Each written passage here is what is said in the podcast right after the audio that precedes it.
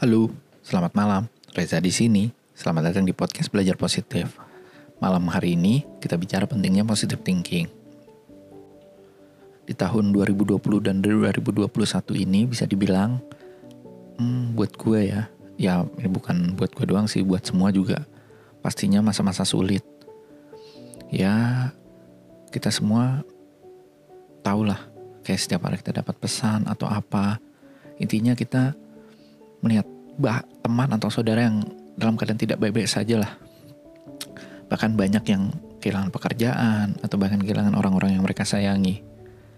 Kalau kamu salah satu dari orang-orang yang sedang kehilangan, gue ikut bersimpati ya. Tapi yang perlu kamu tahu, hidup tidak berhenti ketika seseorang atau sesuatu lenyap dari dunia ini. Bahkan ketika kita hilang pun, dunia masih akan berputar seperti biasa.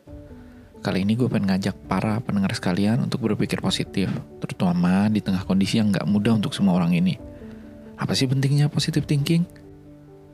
Pertama-tama, kita perlu tahu dulu makna dari berpikiran positif yang sebenarnya. Berpikiran positif sebenarnya sama dengan sikap optimistik. Ketika kita bersikap optimistik, kita fokus mencari hikmah dalam kejadian apa pun yang kita hadapi. Tapi ini tentu berbeda dari mengabaikan realitas atau mengkerdikkan suatu masalah ini sesederhana melihat uh, memilih untuk melihat sisi baik dari sebuah kejadian dan berharap semua akan berbaik-baik berakhir baik-baik saja. Lalu kita masuk ke manfaat sebagai seorang optimistis. Bagi kami yang belum tahu, udah banyak banget penelitian membuktikan bahwa sikap optimistis ini akan berdampak pada kesehatan mental dan fisik. Kita juga pu kita yang punya mindset mencari hikmah dalam sebuah masalah akan memiliki kebiasaan untuk mencari jalan keluar bisa berpikir lebih jelas, dan juga disebut lebih kreatif. Kamu juga akan terhindar dari mood buruk dan depresi ketika kamu ketika kamu selalu mampu berpikir positif. Ya, keren kan? Nah, menariknya lagi, kondisi mental yang positif ini juga dapat mempengaruhi kesehatan fisik seperti menurunkan tensi darah, memberikan toleransi sakit yang lebih baik sampai memperpanjang usia. Keren gak tuh? Hanya dengan perubahan sikap dan mindset saja, kita bisa memiliki kesempatan untuk hidup sehat lebih lama. Tapi, tapi, tapi, pertanyaannya mungkin akan seperti ini ya. Ah, aku udah dari sana selalu overthinking dan secara natural emang pesimistis. Terus aku harus mesti, aku mesti gimana? Kabar baiknya, sikap optimistis sangat bisa dipelajari karena sikap ini memang dikategorikan sebagai skill atau keahlian. Menurut riset dalam eksperimen-eksperimen yang mungkin ya kalian bisa google lah. Kalian bisa coba bermeditasi setiap hari, dan memikirkan hal-hal baik sehingga kalian juga bisa merasakan semangat membara dari sikap ini. Kalau buat kalian kata-kata meditasi terlalu sulit, kalian boleh merenung atau mencatat hal-hal yang kalian syukuri hari ini. Simpel kan?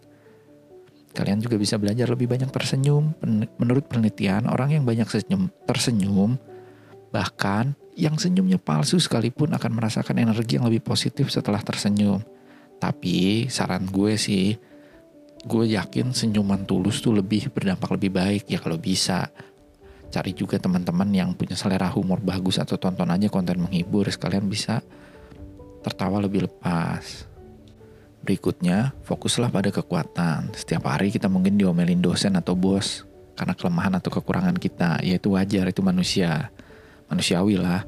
Tapi kita bisa loh menganggap omelan itu sebagai hmm, masukan yang membangun diri kita agar lebih baik. Supaya mental kita nggak jatuh terjerembab ke dalam jurang. Kita bisa merenungi di mana sih kekuatan kita.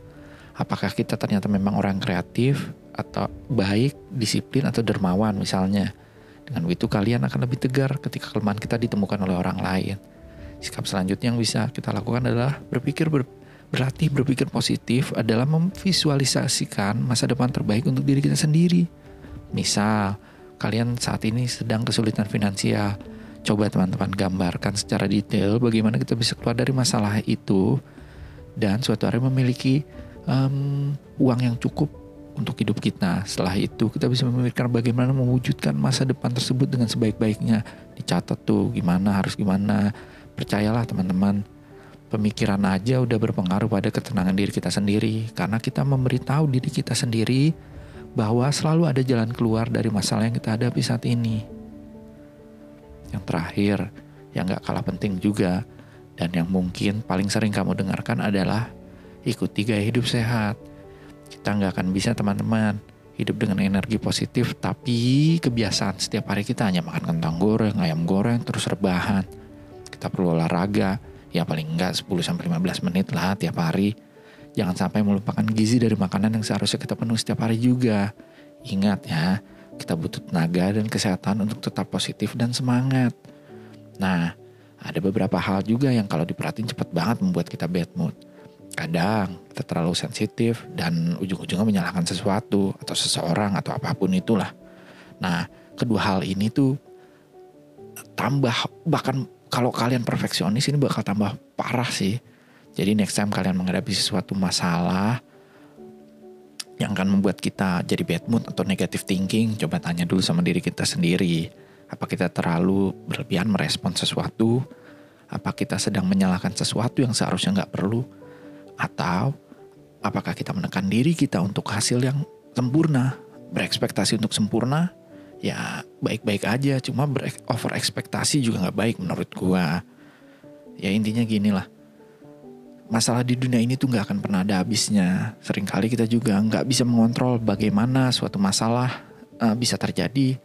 Ya kita juga eh, nggak uh, bisa kontrol hasilnya lah, tapi kita bisa kontrol gimana cara kita memilih untuk menyikapinya.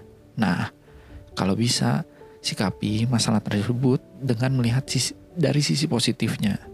Karena seperti gue bilang tadi, ini akan sangat baik untuk kesehatan mental kalian.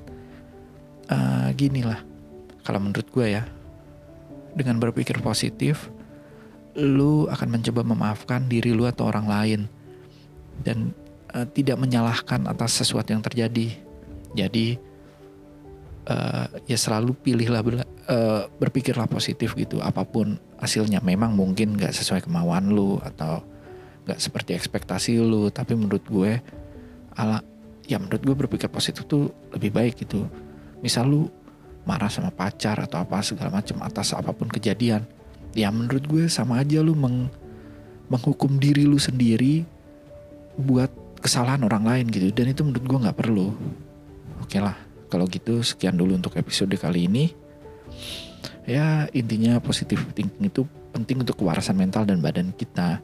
Jangan lupa kalau menurut kamu konten ini menarik, share ke teman atau saudara kamu. Siapa tahu mereka juga akan mendapatkan manfaat yang sama kan. Jangan lupa juga uh, subs eh, subscribe tuh emang YouTube. Uh, follow terus belajar positif biar nggak ketinggalan konten-konten seperti ini. Terima kasih sudah mendengarkan. Sekian, sampai jumpa di episode berikutnya. Bye.